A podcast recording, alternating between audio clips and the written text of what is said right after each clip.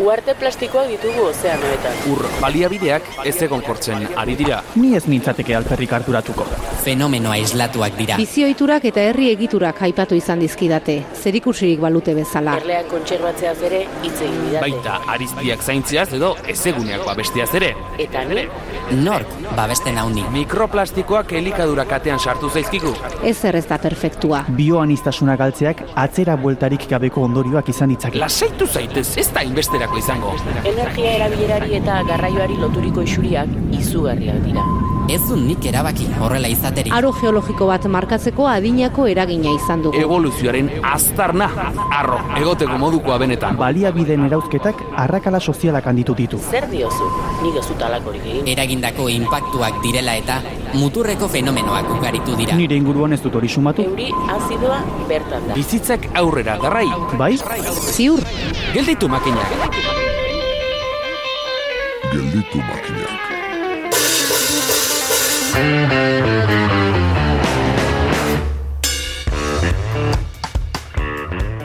Larun batean, urriaren amabostean, emakume baserretaren eguna izan zen.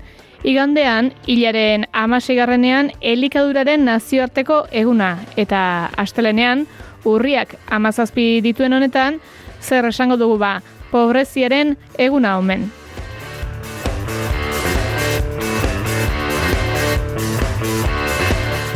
Triangelu ezaguna da emakume baserretarrek elikadurak eta pobreziak osaturikoa eta arkitekturak argi dio.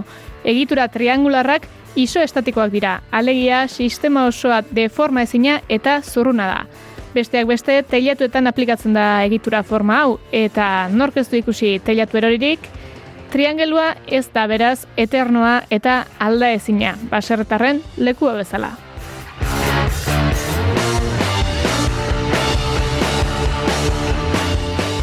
Oinak lurrean, ongi lurrean dituzte, etxaldeko emakumeak kolektiboko kideek eta biak kanpesinako kide direnean, erresistentzia hasiak jardunaldi internazionalak antolatu dituzte gaur hasi eta hilaren hogeita irura bitarte. Maritxu Arroio kolektiboko kidearekin elkartuko gara euren gogoetak entzun asmoz.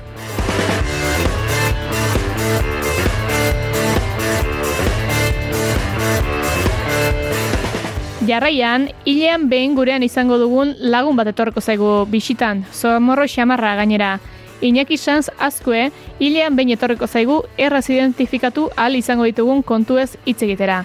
Izan ere, kontzientzia izateko ezagutza ezinbestekoa da.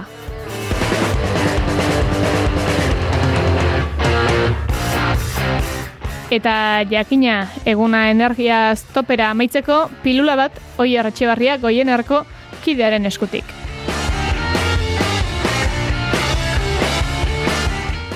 Hauxe da, triangeluaren egonkortasunetik eta albezain borobil, gelditu makinak saioa den poliedroaren bosgarren ertza.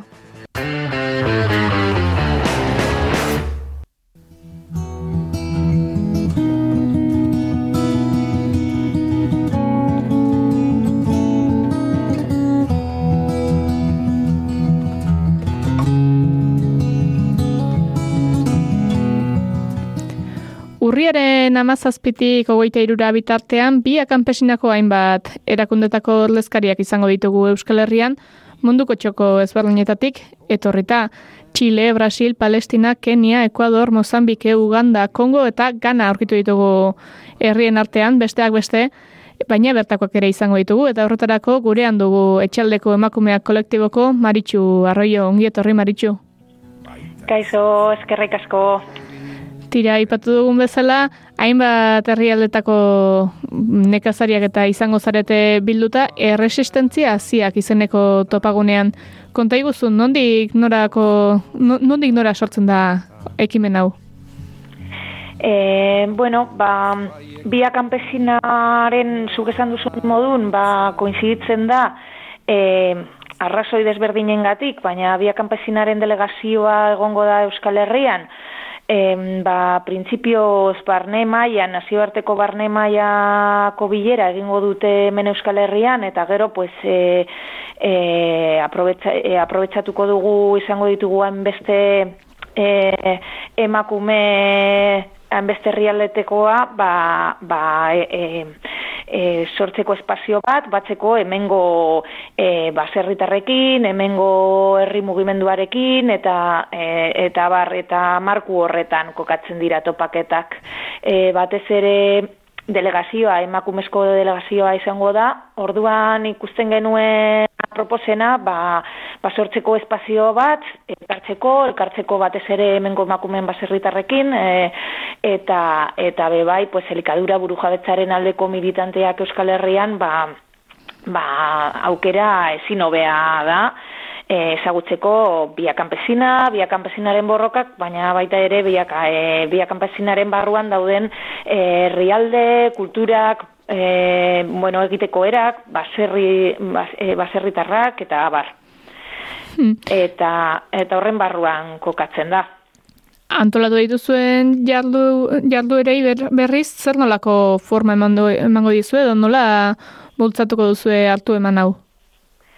Bai, ba, ba, bueno, nahi genuen sortzea espazio bat, ba, pizka bat egoteko, elkartzeko gogoa dau, e, bueno, azken urte hauek eta egero elkartzeko gogoa dau, nahi genuen pizkat Euskal Herrek magaian emakume baserritarrak, elikadura, buru aldeko militanteak, landera emakumeak, pues, izatea espazio bat non egoteko gustora, e, gure gauza konpartitzeko, eta, eta bueno, e, holan kokatzen da biegun hauek, e, aziko gara lehenengo eguna pizkat igual irekiagoa izango da, e, nahi dugu, e, bueno, e, torri diren, beste herrialdetatik etorri diren emakumeak ezagutzea, beraien borrokak, zelan eraikitzen duten e, bakoitzak bere feminismoa, beraien lurraldeetan, e, bazerritarrak izan da, eta bar, e, eta bueno, izango dugu mai ingurua, e, non e, delegatu guztiak, herrialde guztiak izango dute aukera hitz egiteko,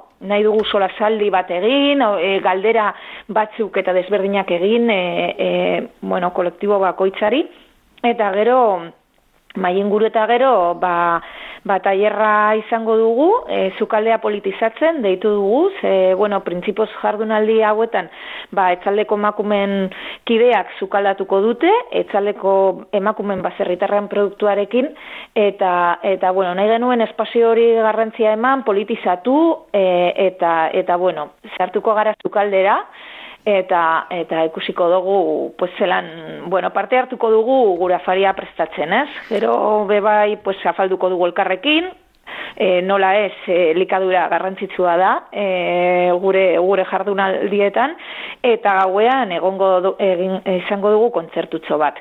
E, ja bigarren eguna ba pizka sektoreari begira eraiki dugun e, emakumeen baserritarren bueno e, egiteko erak edo, edo formak eta tailerrak planteatu dugu, tailer formatua, hor, pues, batez ere e, Euskal Herrian eta etzaldeko emakumen orbitan dauden baserritarrak, emakumeak proposatu digute tailer desberdinak, eta horren arabera e, egon gara pizkat e, osatzen e, e, pues, egun horretako egitaragua, ezta?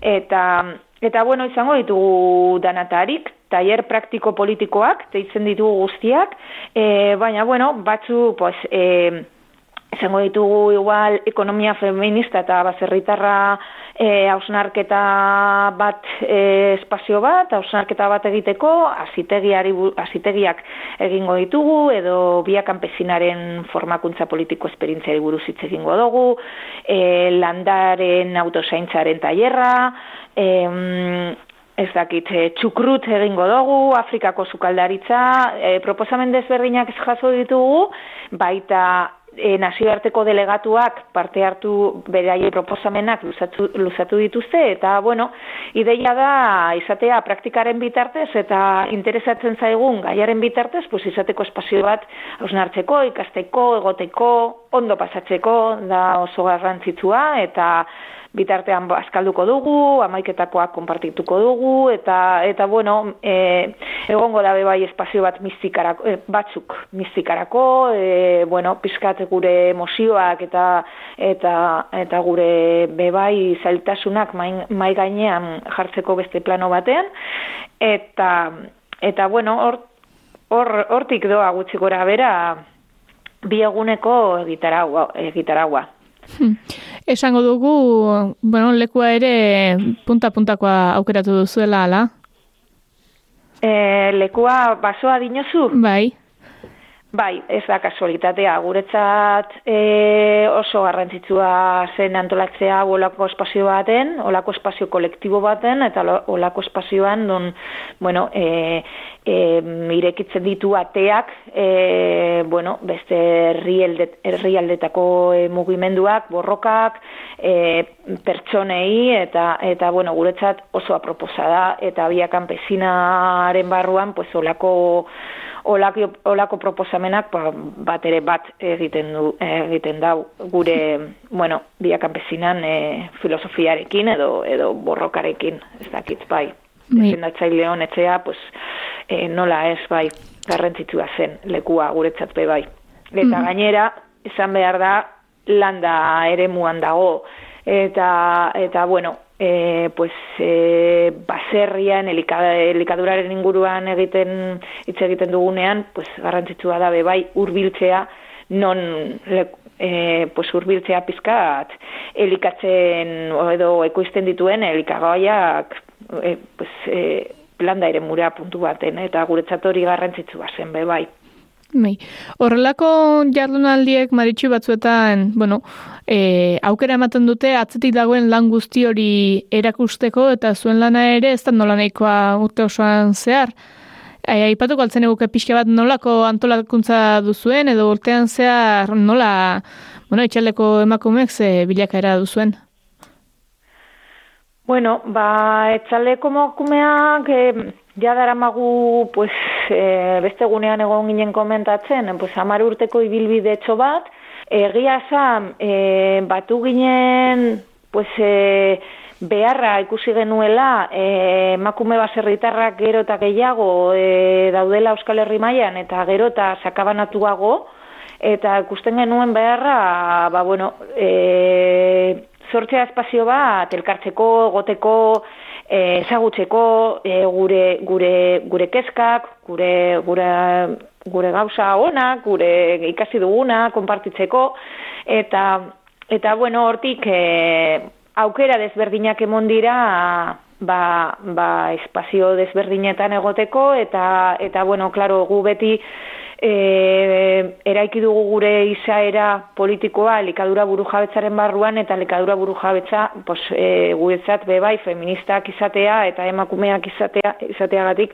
ba, feminismo feminismoarekin lotura ikusten dugun. Eta bueno hori eraikitzeko eta eta horretaz hausnartzeko kolektibo modun beti begiratu diogu biak kanpesinari Zubia Campesina, pues ya, e, hasi zen, orain dela bebai urte batzuk, ba, urte askok, ba, ba zerritar feminismoaren inguruan asunartzen, emakumeak horre zelan lortu aldugun bebai, e, pues, gure feminismoa, landa ere muari begira, emakume baserritarrei begira, eta, bueno, hortik e, edan dugu, orduan, e, bueno, e, kusi genuenean aukera zegoela, e, bia kanpezinako emakumen delegazio batekin espazio bat konpartitzeko eta eta bueno, e, pues ez du pues guretzat izan da aukera bat eta eta bueno, e, antolakuntza potentea da, baina baina bueno, ez gaude bakarrik e, eta eta pues hor gaude. Bai, mm. potentea da. Baina Baina, bueno, e, dira aukerak bizitzan planteatzen diren, kolektiboen bizitzan, eta aprobetsatzen diren, eta, eta bueno, ez ditugu jartzen helburuak super handiak, baizik eta aprobetsatu emakume hauek torri, torriko dira, guazen konpartitzera beraiekin, guazen elkartzea Euskal Herriko emakumeak berriro, e, eta, eta bueno, hortik abiatzen gara, orduan antolakuntza potente, baina bebai, pues, ilusiñoarekin. Bai, Maritxu bestalde, pia kanpesina aipatu dugun ezkero eta, bueno, e, jardunaldi hauetan beste herrialde batzutako herri mugimenduekin lotura sendotuko den honetan, e, izango da beste herrialdeetan oso errealitate desberdina bizi duela zaler, dutela zaleratzeko momentua ere eta kontestu horretan etxaldeko emakumeek zer jasotzen dute eta zer ematen dute horrelako jardunaldietan edo mugimendu horiekin duzuen harremanean ze, ze posizio duzue? Bueno, gu azkenean e, biak kanpesinatik edan dugun, ez da? Eta, bueno, guk ikusten dugu e, e, e, ez dakit ezberdinak daude herrialde guztietan, baina, baina arazoak berdinak daude dira e, elikadura eta agronegozioari begira ba, kate bat globala dela, eta, eta konponketak bakoitzak bere lurraldeetan bilatu behar ditu, baina lotura daukate. Eta orduan, ba, ba guke irakurketa berdina egiten dugu, e, uste dut, bia kanpesina barruan gauden, pues, e, e, baserritar eta, eta el talkarte guztiak, e, ba, elikagaieneko espena gaur egun eza dedikatzen jendea elikatzeko, baizik eta, bueno, merkatua, merkatu barruan dago eta merkantziak dira. Eta, eta bueno, errei guztietan galdu dugu e, gure elikagaiak ekosteko gaitasuna, e, hori gertatzen da Europan, hori gertatzen da e, Amerika Latinan, hori gertatzen da Afrikan, hori gertatzen da hori ikusten dugun gero, ba, ba, ba bueno, herri bakoitzak bere diruarekin boterea daukaten, ba, bueno, Europan ekoizten, e, osea, eltzen zaigun elikagaiak, naturan eta beste herrien esplotazioan, oinarrituta daude, eta beste herriak jasatzen dituzte esplotazioa hori, elikagaiak edo, edo merkantziak ekoizteko, bidaltzeko, e, bueno, e, boterea daukaten herriei. Hor katea ikusten dugu globala dela eta konponbideak globalak izan behar dira naiz eta gero era lokalean bakoitzak bilatu behar dau ba bia kanpesinak esaten duena gure e, likadura buru jabetza gure eskubidea gure likagai propioak ekoizteko gure sistema elikagai sistema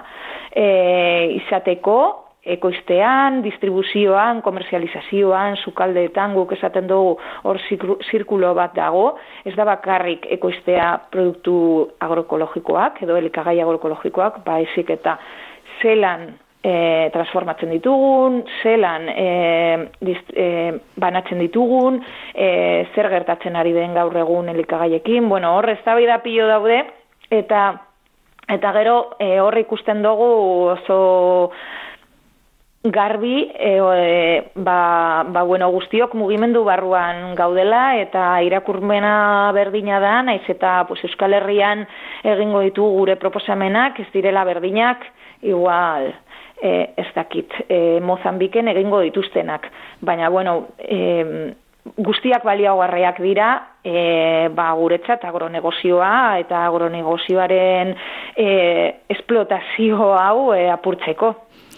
Diozun bezala maritxu, agroekologia eta elikadura burugu jabetza elkarren eskutik joan behar dutela diozue, eta bide beretik elikatzea ez dela jatea soilik ere, ba diozue, ala ere eta Euskal Herri mailara itzulita, ekoizpen agroekologikorako ze baldintza ditugu hemen? Ba, nire eusez, e, da bi alde daude e, baldintzak objektiboak, baldintza naturalak, baldintzak ez dakit nola zan, e, onak dira.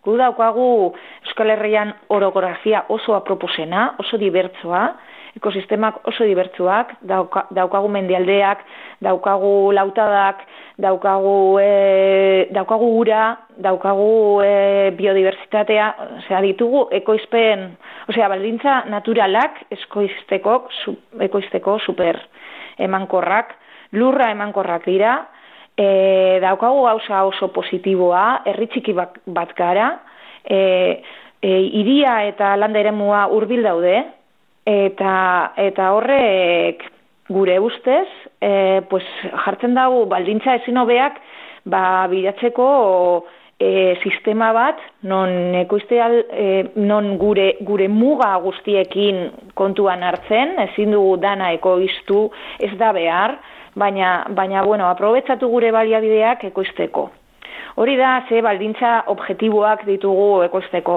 E, baina, bueno, naiz eta baldintza honak ikustea, eta guk posiblea ikustea, eta gainera uste du, uste du garela herri bat e, oso posiblea egin aldela, ez ditugu hiri buruak oso handiak, eta, eta bueno, e, esploratu aldire e, bide, bide pillo, ba, hemen e, argita garbi, badakigula, pues lurra ez da aritu e, elikagaiak ekoizten, eta lehentasunak beste batzuk izan dira. Lurre mankorrenak, pues, e, infrastruktura handiak eraikitzeko erabili dira, industriak, abiadura handiko trenak, hemen, bueno, ez dago interesa e, elikagaiak ekoizteko e, jendea elikatzeko, e, eta, bueno, baserritarrak gero eta basterrera joan behar izan dira, e, ekoizteko, e, mendialde sonaldetara, pues es, igual e, hori baldintza e, objektiboan ez dira honenak. Hala eta guztiz zere, ba, bueno, e, hor daude, hor daude, e, goera oso prekario baten, baina hor jarraitzen dute, ba, elikagaiak ekoizten, e, agroekologiko, osea, era agroekologikoan, eta, eta bueno, e, jartzen, e, gizarteari e, pues, elikatzeko. Eta, eta bueno, da un poco e, pa kontra esan bat e, ikusten dugu hemen, ez dagoelako interesa, eta bueltatzen gara, e, pues, e, mundu mailan gertatzen gertatzen denari, ez dago interesa ze elikagaiak merkat, merkantzia dira. Ez da eskubide bat, gaur egun inon, e, elikatze, elikatzeaz da eskubide bat, eta merkantzia dago, e, eta merkantzia eta eta negozioaren barruan, pues, e, interesak dira beste batzuk. Holan ikusten dugu guk, eta, eta bueno, hor erraz ikusten da, e, pues, lotura, ez? Era globalean, era lokalean, eta, e, eta bar. E, e, ba, ezakit, ez gara e, irakurketa ez da oso positiboa, baina be bai e, pentsatzen dugu e, posiblea dela, posiblea dela buelta motea eta, eta, eta bueno, horreta zaude, borrokatzen sinisten dugulako eta, eta bueno, pues, e, gaur egun e, zehartu den jendea, jende gaztea, ekoiztera, agroekologiaren bidean, eta edo filosofian, eta, eta praktikan, eta, pues bueno, e, prekarietatean bizi dira, batzuk itzi dituzte, e, eta bueno, baina beste, bat, eta beste batzuk e, hor jarraitzen dira borrokatzen, eta eta hor, pues, e, ez dakit, gizarte modun erantzuna, eta ardura bebai daukagula, ze lurraldean nahi, nahi dugun gure inguruan, ea nahi ditugun ikustea baserriak superpolitak, baina, baina ez izatea baserritarrak barruan,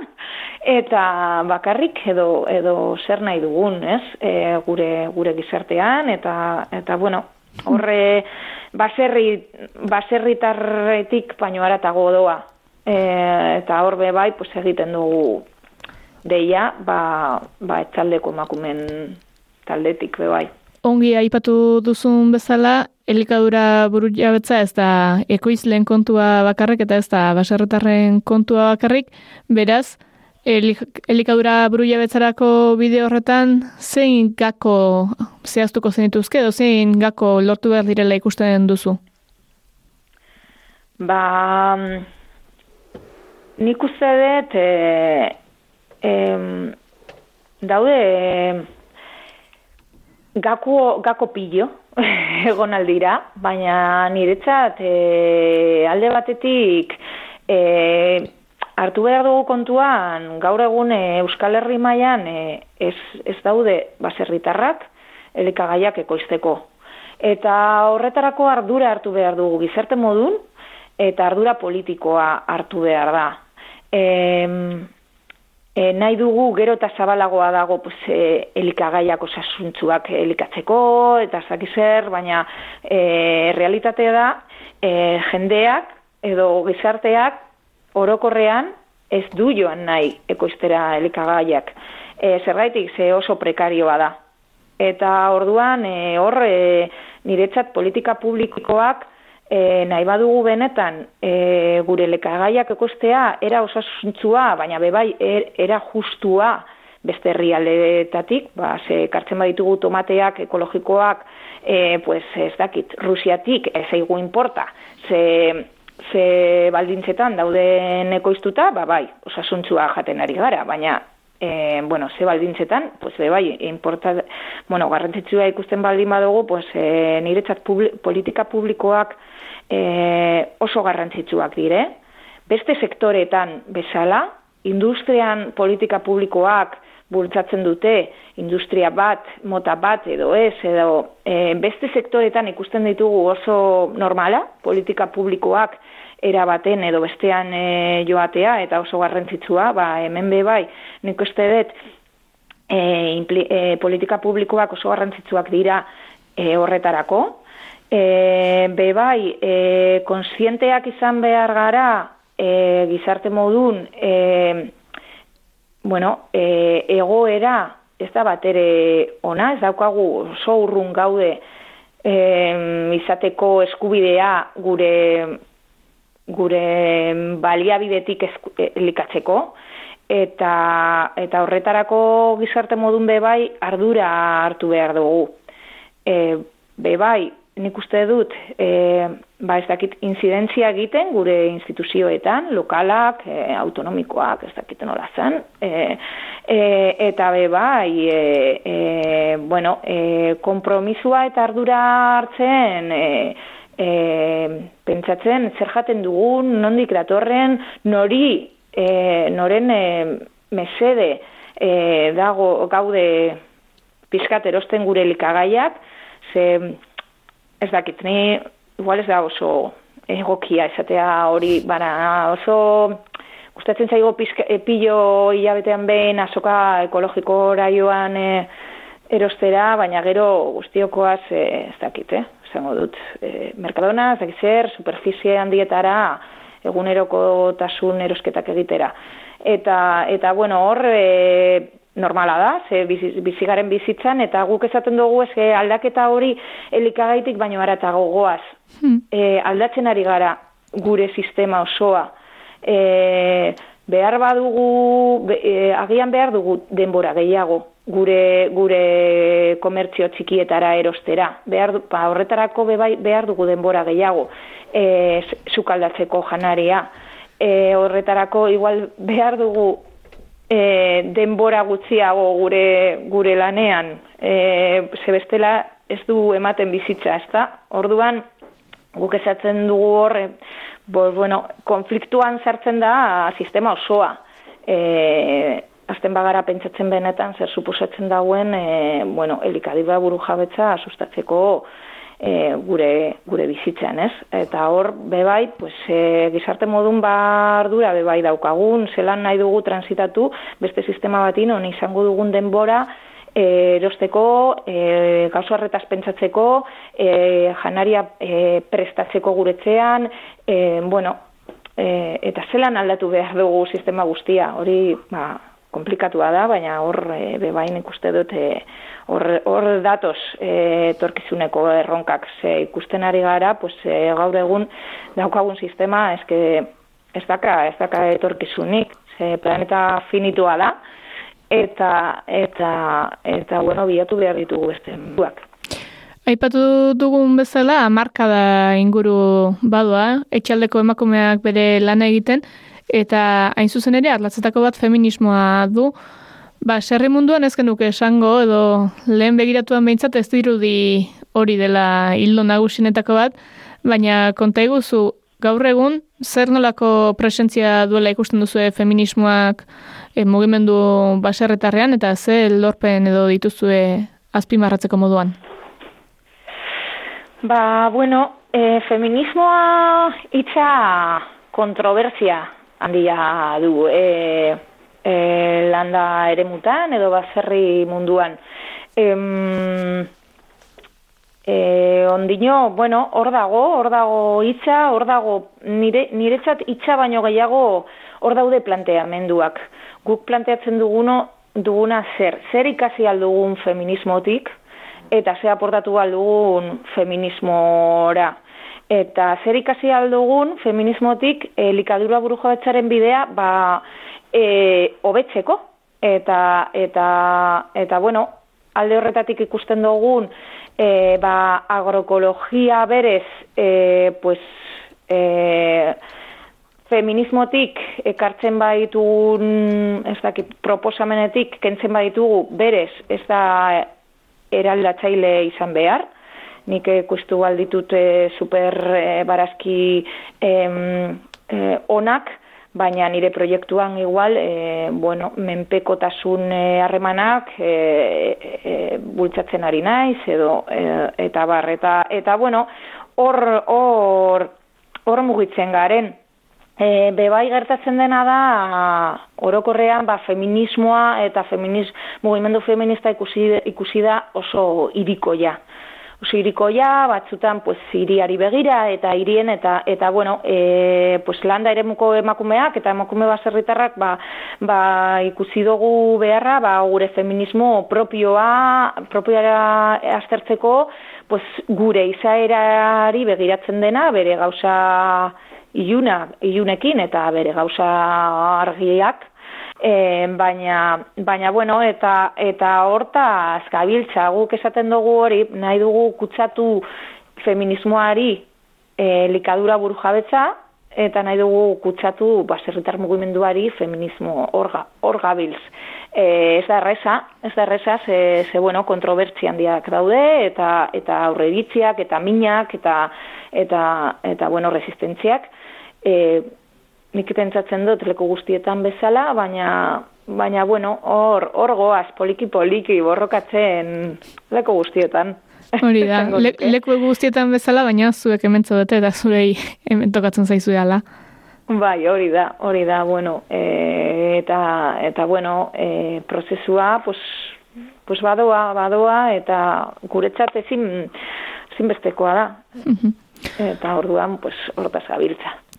Bestre kontrobertsia ugari ere baditu nekazal munduak eta eta bueno, azken urtetako edo azken hamarkadetako joera bada eta ikusten denan nekazari abeltzainak eredu industrialaren bidea hartzera ohitu zirela. Edo ez dakit hortetara kondenatuak ezote zaudeten, alegia produkzio maila bat beharrezkoa dela bizializateko, beraz, e, eredu industrialera bidera duta dute zaudetela sentitzen duzuen ala ez? Bueno, guk esaten dugu eredu industriala eta eredu agroekologikoa ezin dira eh, elkarbizi. Ze eredu agroindustriala jaten dau bestea. Eta, eta postu egin behar da edo, edo eredu bat edo bestea. Guk uste dugu e, posiblea da em, errenta duina eta bizitza duina izatea eredu agroekologikoan.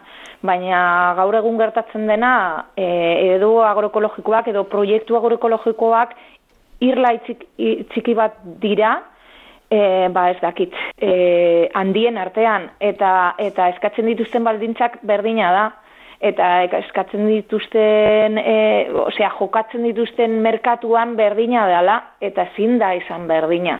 Eta hori oso, ez da, bidezkoa puntu baten, ez? Eta kondenatuak daude, e, gure ustez, bai, kondenat, guztiz kondenatuak da, daude, lehen esan dudan bezala, planeta finitua delako. Ezin dugu e, e, kontsumitu eta ekoiztu, ekoizten ari garen modun, e, ze, bueno, ezke bukatuko dugu guztiarekin, hori e, ez dakit agorro industrian, eta eta beste beste ereduetan ikusten dela be bai. Energian e, e, garraioan ez dakit zer bueno e, eta eta bueno e, zer gertatzen da transizioa ez dela erresa ez dela erraza, ze hemen gertatu izan dena da Euskal Herrian, Europa mailan eta mundu mailan urte askotan baserrietarrei esan zaie. E, inbertsio gehiago egin hobeto bizizko sarelako. Orduan, erosi traktore handiagoa, e, erosi e, teknifikatu, erosi makinaria hobeto bizitzeko, e, erosi, erosi azimotako hauek, transgenikoak, askarrago emango dute, eta esan zaie, hainbeste urtetan egonda e, hor agronegozioa, bere negozioa egiten, eta esaten bazerritarrei, ezkezka duzu hori egiten, e, lekuzkanpo geratzen zara. Eta orduan, zer gertatu da, pues, ba, zerri proiektu askok, ba, sorraz, e, sorraz e, itota daude. Eta orduan, hortik ateratzea oso zaila da, batzuk, bai, esango nuke ezin dira, ezin direla atera. Baina horrek ez du esan nahi, e, e, bueno, e, zartzen direnak, nik esango nuke orain gehien e, nekazaritzen zartzen diren gazteak eta sartzen den jendea, ba, beste eredu bat bilatzen ari dela. E, e, bueno, eredu horiek e, argetar garbi ez daukate releborik, eta, eta hor, pues, e, bai, guretzat pues ez da ez da bidea horrek ez du esan nahi pues e, e, gaur arte pues pro, proiektu bakoitzak bere prozesua eramaten ari da. Bez, batzuk ba, transizioa egiten ari dira, edo, edo, bueno, edo ez, ez dutelako sinisten. Bueno, hor, hor e, e, guretzat ez da fokua hainbeste gure inguruan ditugun prozesuetan, baizik eta, bueno, eredu, eredu, zer eredu bultzatzen ari den, eta eta orain arte oso potentea izan da. Zer esan, zer esan diete baserritarrei eta hau egin behar duzu bestela lekuskanpoan geratzen zara eta saldu behar duzu esnea ezak izen enpresa, gero jetzi dizute presioak erdira eta ezin duzu zer esan. Zelotuta zauz zorrak, enpresa horrekin, eta, eta bueno, hor nik uste dute, bueno, gezurritxelak saldu dituzte, eta, eta bueno, eta mm, hor hor daukagu konsekuentziak gaur egun. Tira, ba, Maritxu, honekin nagortuko dugu, berriz ere deia egingo dugu, erresistentzia ziak jardunaldiak izango direlako, eta, bueno, e, urriaren amazazpitik, hogeita irura bitarte, artean elkartuko zaretelako biak anpesinako beste hainbat kiderekin batera, mila esker gurean izateagatik, eta baserriaren, bueno, egoera pixka bat e, aztertzen laguntzeagatik. Bale, mila esker zuei. Esango nuke gauza bat, mesedez jendeari apuntatzeko jardunaldietara. Ze, kide batzuk daude prestatzen bazkaria, eta oso garrantzitsua da jakitea zenbat izango garen. Orduan, bilatzeko hortik zare sozialetan eta apuntatu mesedez. Ba, horixe, animatu eta apunta gaituzela. Eskarrik asko maritxu. Bai, mila esker zuei. baieko gogoa argitzen ez didazu laguntzen Eli pagolarekin geldituko dituzu makinak naiz irratian.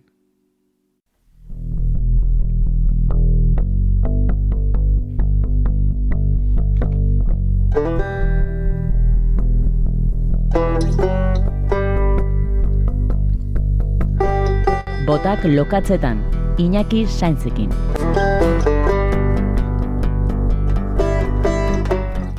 Gelditu makinak saioan fauna eta flora zabala dauka, elementu morloa da bilemen atzera aurrera eta musika honekin garbi dago kauboi bat datorkigula.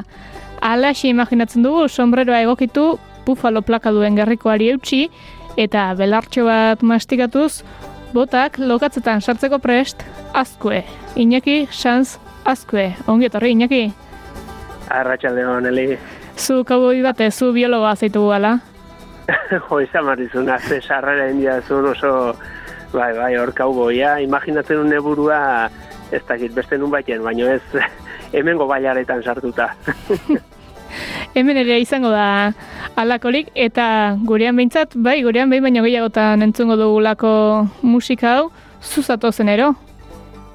Hoi da, bueno, ba, saiatuko geha hilabetero, hilabetero natura buruzko zehozer erakusten, batez ere jendean naturara edo ingurumenera gerturatzeko ba, aholkutxo batzuk edo jarraibide batzuk ematen, eta, bueno, honekin hasiko geha, ez, urrikoa egin, ez? Eta urrian zer lakarki guzu? Urrian, ba, askotan izaten da joera udazkena atorrela eta denok gora begira egoten gea, bai ostoak eroritzen hasi diala, bai egaztiak migratzen dutela Afrika aldera, eta Ni gaurkoan kontrakoa proposatuko dut. Begirada lurrera bideratzea eta narrasti txikientzako jartzea begirada hori ez. Eta gaina begirada ondo zorroztea. Izane, oantxe, udazken hasiera honetan, ba, askotan esan deten bezala, agian ez kontuatzen, baino narrasti txikiak izaten dira protagonistak. Hemen izaten ditugu udazkeneko egoa ize puntu batzuk, edo eta badia eguzki egunak, eta, bueno, ba, uda pasa ostean, ba, kume jaio berri hoiek, narrasti kume jaio berri hoiek, aprobetxatze dute momentuko eguzki izpi e, txiki hoiek, edo lehun hoiek aprobetxatzituzte ateratzeko, neguaren etorrera goxatzeko, e, batetik bai leku berriak konkistatzeko, ze pentsa, narrastie kumeak edukitze dituztenean, ba, kume horiek dagoeneko independenteak izaten diala. Eta narrastiek izaten dituzte beraien e, dominioak edo beraien eremuak, ez? Orduan, ba, gazte hauek eremu berriak bilatu behar izate dituzte, eta udazkena ba, oso oso e, momentu aproposa izaten da horretarako. Eta zergatik diozu hori xigaltu behar nizu, zergatik bai. udaberrian jaiotzen badira eta jaiotzetik independenteak balin badira, udazkenean hasten dira euren eremua konkistatzen? Hoi da, hasten dira eremu berriak bilatzen. Zuek pentsatu behar dezue, narrasti handiak dianak, eremu oberenak edukiko ituztela. Hau da, jaki gehiena duten eremuak, eremu eguzkitsuak, babesarekin, eta akume hauek jaiotzen dianean, ba, leku berriak bilatu behar dituzte, eta hor azten da behaien esango nuke migrazio txikia, ez, leku berriak aurkitzeko prozesu hori. Eta udazkenean, ba, badaukate abantaila txiki bat, eta kontua da, udazkenean eguzkiak ere ez oso gogor jotzen, eta horrek ematen dia aukera beraiei berotzeko, izan ere narrastiak ektotermoak dira, alegia kanpoko bero horren beharra daukate aktibatzeko, eta helduek ordea ez dute bero nahikorik ba, berotu eta martxan jartzeko. Orduan garai hau bai izaten da nabarmenki e, narrasti txikien edo jaio berrien garaia. Beraz, heldurik ez du ikusiko, ikusiko ditugun narrasti guztiak narrasti txiki eta gazteak izango dira. Ba, gehienetan narrasti txikiak izaten dira, helduak e, ikusi itzakegu, baino gehiago ba, egoaize eta eguzki beroko temperaturako geita bost, geita sei gradu ingurutan daudenean. Gero kontuan izan bar dugu ere, ba, pentsa udaberritikan udazkenera gauzak asko aldatzen dira. Pentsa ezazue, adibidez, ustaileko bero hauekin, ez, edukitugu hola, bero gogor hauek, ba, kasu horretan beroak ere eragina dauka egunean zeharreko aktivitatean. Alegia, ba, kume txiki hauek tamaina txikia daukate, volumen txikia daukate, eta ordun bero oso gutxirekin aktibatzeko kapazak dira. Ordea, haundiek, volumen haundia eta azalera haundia daukatenez, bero gehiago bardute aktibatzeko. Uda inguruan, haundiak zeanak, goizean goiz, aurreneko eguzkizpiekin, berotu, elikatu eta eguardi aldean deskantxo antzeko bat egite dute. Eta gero, arratsalde gau aldera, berriro ere aktibatu iten dira. Alegia, udaberri eta udan askotan narrastiak ikusteko egunean zehar bi epe izatitugu.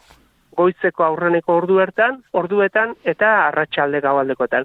Eta udazkenean oantxe kontrako eukiko dugu. Ordu narrasti txikiak ikusteko, e, kontuan euki barde eguerdiko eguzki goxoi. Ez udazkenean ibiltzen ja askotan, ez? Eguerdiko eguzki goxo horren bila, ban arrasteak ere gola ibiltzen dira.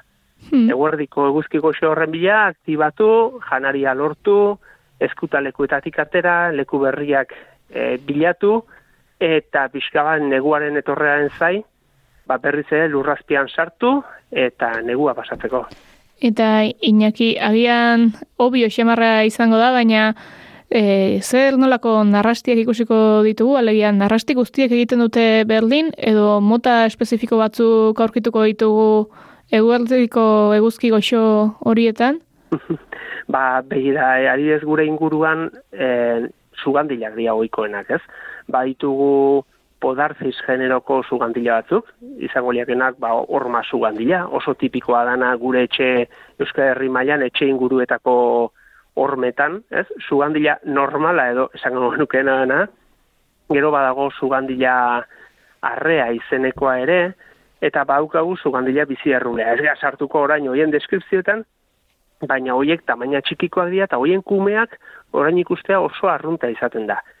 Baina topatu itzakegu ere, ba, ziraunak, suge txikiak topatu itzakegu, edo eta musker jaio berriak ere. Musker jaio berriak e, sasi eta zelai inguruetako ere horietan, oantxe topatzitugu, zugandilen antzekoa dira, badukate goiko aldea arre nabar marroi kolorekoa, eta azpialdea berde kolorez zoragarri batekoa, askotan zugandilekin konfunditzen ditugu, baino, baino muskerrak dira. Hmm. E, eta hauek guztiak, ba, esandakoa, ba, gorantz begira juten bagera, ba, agian ikusiko ditugu, moko zabalak, eta ikusiko ditugu belaxe kurriloak, eta usoak, eta bar, baino orain nik uste e, gomendioa dela erresetik jotzera, eta mendiagoa zenean ere ertzak eta horma ertzak, sasi ertzak eta bar begiratzea, ze hor aurkituko dugu beste mundu txiki bat, beste mundu txiki bat agian irutzeza eguna ez daukana e, horrelako garrantzirik, baino hainbat ekosistemetako sare trofikoetan, ba, sugandia eta narrasti txiki hauek gara garrizko garrantzia daukate, eta behaketa egiteko momentu oso aproposean gaude orantxe urrian. Ba, kasu egingo dizugu, eta aterako gara, gukere jantziko ditugu gure botak, eta lokatzetan ez dakit, baina eguzki goxetan jarko gara, ea narrasti txiki hau guztiek ikusteko gai garen. Oso noeli, bai, ba, urrian autokatzen zaigu, eta ikusiko zuen bezala gaina, hemendik aurrea udazkenean zehar, ja narrasti kontuak pixkanaka pixkanaka jongo zaizkigu, ze azkeneko aukeretan gaude, ja, urrian hasieran, urri erdikaldeko egun hauek, eta gero pixkanaka pixkanaka beste espezie batzuekin jongo bea, botak lokatzetan sartu, edo sartu gardan tokian sartu, eta pixka bat gure faunaz disfrutatzeko eta naturaz disfrutatzeko.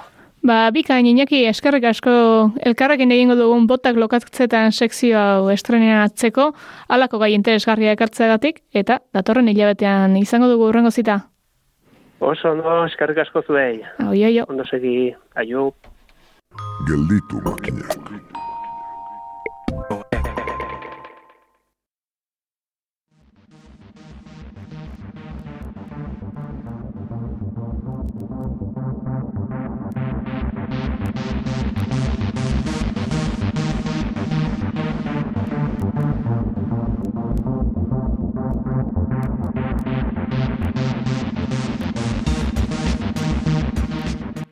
Gelditu makinak saioaren irugarren denboraldiak ere badu pilulen sekzioa eta pilulen sekzioan nola ez energiari ere leku egin diogu. Horretarako iazko bide beretik Oier Etxebarria goien erreko kidea izango dugu gurean, eoi bezala energia buruzko aholkuak emanez eta sekzioa zabaltzeko parean dugu eta galtu egingo diogu.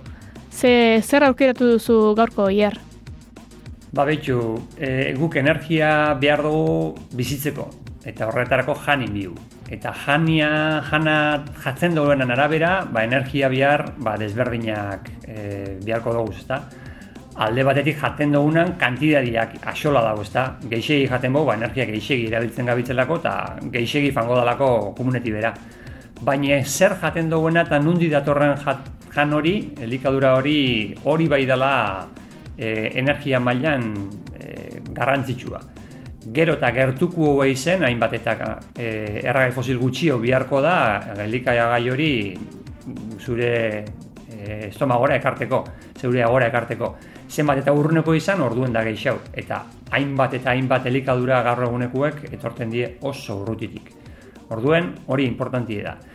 Eta gero, zenbat eta ekologiku hauen ein, el ekologiku hauen ein eskero, ongarrixek erabiltzen dituen ape gertuko hauak izango die, eta horrepe importantzi edoko. Beraz, zer jan nundik datorren jan hori importanti da norbere energia kontsumuan e, neurrixa gutxitzeko. Beraz, energia ez datorrela bakarrik elektrizidadea kontsumitzetik edo bestelako praktikak ere bautela energia kontsumo bat. Mm Bai, e, oindala hilpare bat edo, Espainiako gobernuak edo, ina zakorretan zeinekin zagoen, txosten bat, nahiko mardula, nahiko azterketa sakona, eta Espainia mailan e, energia geixen kontsumitzen da janian. Jana mobitzen, jana ekartzen, jana e, sukaldatzen, hor gazatzen da energia asko eta asko. Ba, platerera begira utziko zaitugu, oier, eskerrik asko gurean izateagatik, eta ea, urrengoan, ze gomendio dakarki guzun. Ongi izan.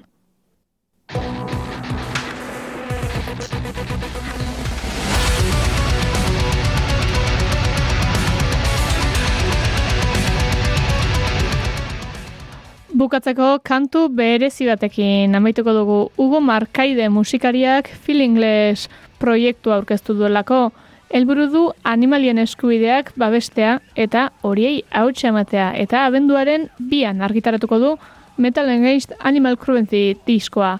Feelingless kantuarekin agortuko gara beraz, ongi izan eta urrengo saio arte entzule.